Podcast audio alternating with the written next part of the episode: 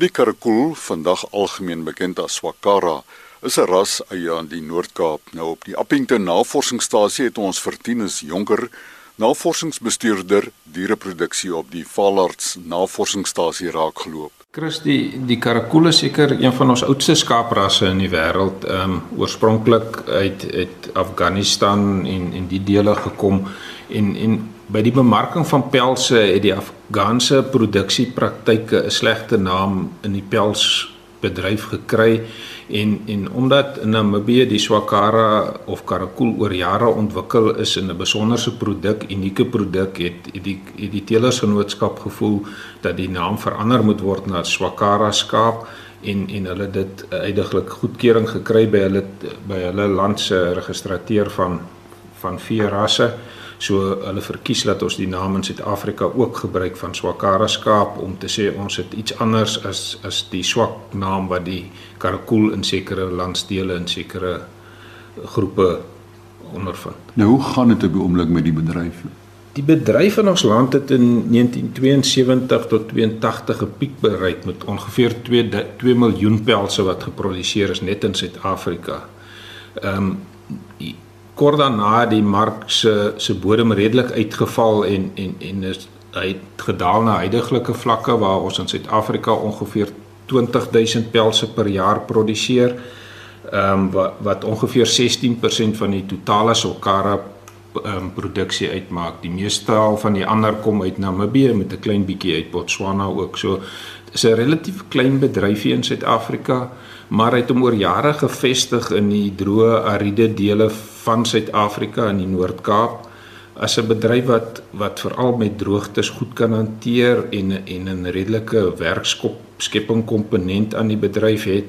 So ons as departement voel nog steeds dit is 'n opsie, een van die opsies vir boere om te oorweeg. Maar soos ek nou reeds genoem het, die die die val in produksie het sekere impak gehad. Ehm um, karakul swakara pelse maak heidaglik ek dink ongeveer 0.03% van die totale pelsproduksie in die wêreld uit. So 'n baie klein sektor van van die pelsbedryf, maar om om om gevestig te bly in in die in die in die modewêreld om pelse te produseer, sal produksie moet opgestoot word en produsente sal moet produseer wat die die pelseniers wil hê om om om te gebruik. So dit dit is 'n uitdaging om om pro, produksie op te stoot, maar die feit dat die boer se inkomste verseker word as die lam gebore is, is 'n groot plusfaktor vir ons droë gebiede.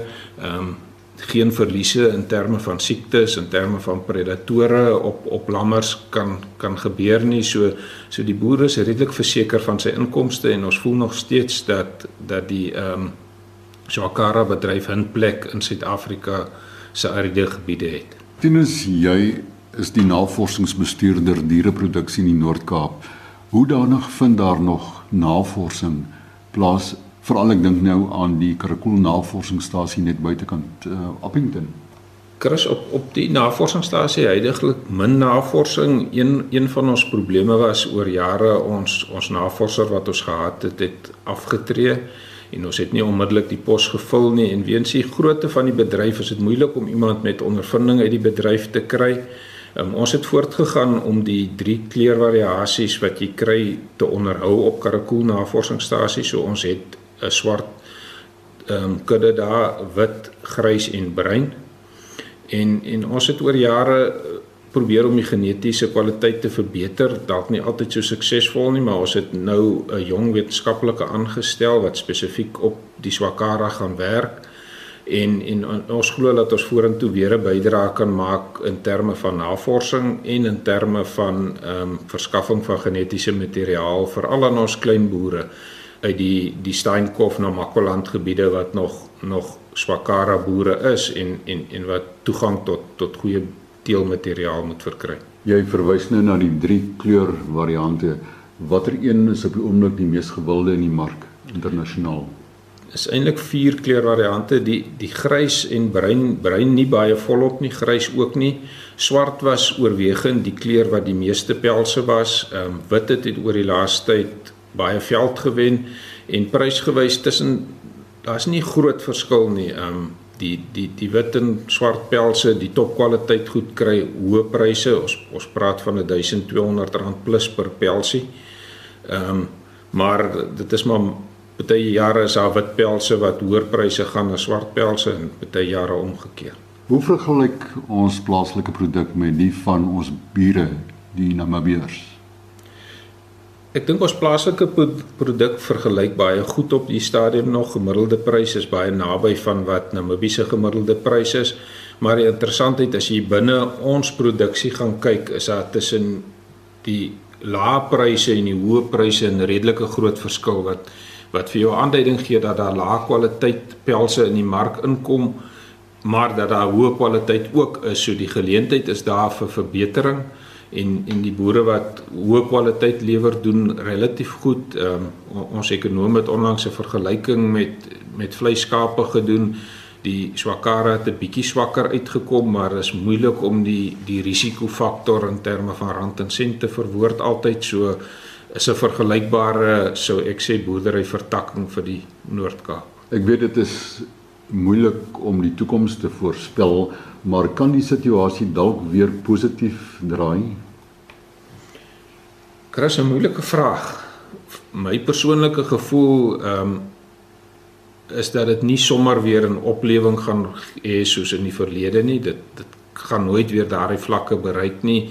Ek dink die hele internasionale pelsbedryf het op 'n punt gekom waar hulle sekere stappe moes neem in terme van van um, praktykskodes en produksiemetodes ehm um, wat nog steeds 'n probleem is. Ehm um, die pelsbedryf is 'n groot werkgewer in sekere lande met met groot produksie. Ehm um, dit het ons genoop as Suid-Afrikaanse produsente om ook 'n praktykskode op te stel en en ons departement was aktief betrokke by die opstel van die kode en en in die ouditeringsproses so op die oomblik kan ons sê ons het al ons produsente in die in die Noord-Kaap geaudit gekyk dat hulle voldoen aan die vereistes van die praktykskode. So ons dink as produsente die die Noord-Kaap produseer 'n volhoubare produk wat wat aan standaarde en vereistes van die internasionale pelsorganisasie voldoen. Is dit hoofsaaklik klimaat of is daar ander omstandighede soos die veld wat maak dat uh, swakaras net in Noord-Kaap aangetref word? Ehm um, ek ek glo grootendeels die klimaat is 'n is 'n vetstydskap tipe wat wat aangepas is by droogte omstandighede, aangepas is by by hitte, hoë temperature um, om te oorleef. Ehm um, die die die voedingsbron wat dalk nie so goeie kwaliteit altyd is en beskikbaar is nie dra by tot die pelskwaliteit. Ehm um, as jou diere beter voeding het, dan neig jou pelskwaliteit om swakker te word. Die pelse groei langer uit die lam se pels groei langer uitvinnig. So so dit is 'n probleem die die mark wil nie sulke lang pelse hê nie. So so dit is 'n ras wat aangepas is in soos ek weer eens soos ek gesê het die die die feit dat dat die la, die boer se produk is in sy hand die dag as die lam gebore word maak dat 'n klomp van die risiko's van die droë gebied as sulks verwyder word uit die uit die produksieproses.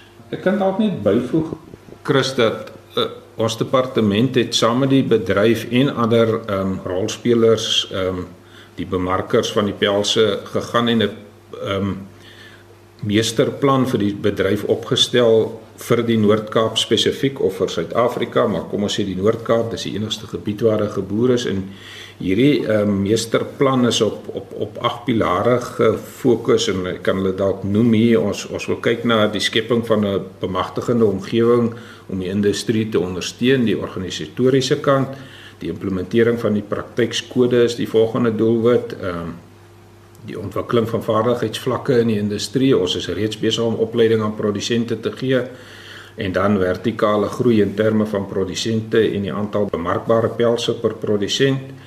Die 5de een die genetiese verbetering van die nasionale swakara pool met 'n klem op pelseienskappe en funksionele doeltreffendheid, ontwikkeling en implementering van 'n behoeftegebaseerde navorsingsprogram en ons wil die Karakool navorsingsstasie ontwikkel as die middelpunt vir navorsing, teelmateriaal opleiding en vaardigheidsontwikkeling en daar laastens te kyk na die bemarking van pelse en wol teen aanvaarbare pryse. So 'n redelike omvattende doelwit van die meesterplan. Um, uh, ons ons beoog om dit in November formeel te loods in die bedryf. So ons ons glo dit kan bydra om die bedryf te ontwikkel. En dit skep ook nuwe moontlikhede vir die Karakul navorsingsstasie.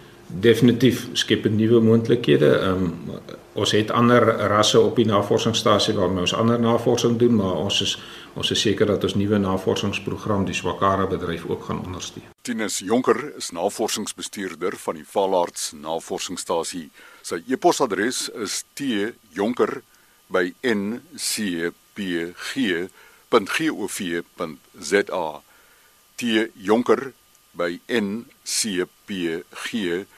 t.jonker@ncpg.gov.za.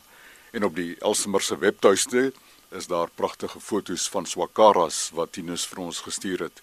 Tot 'n volgende keer, beste wense.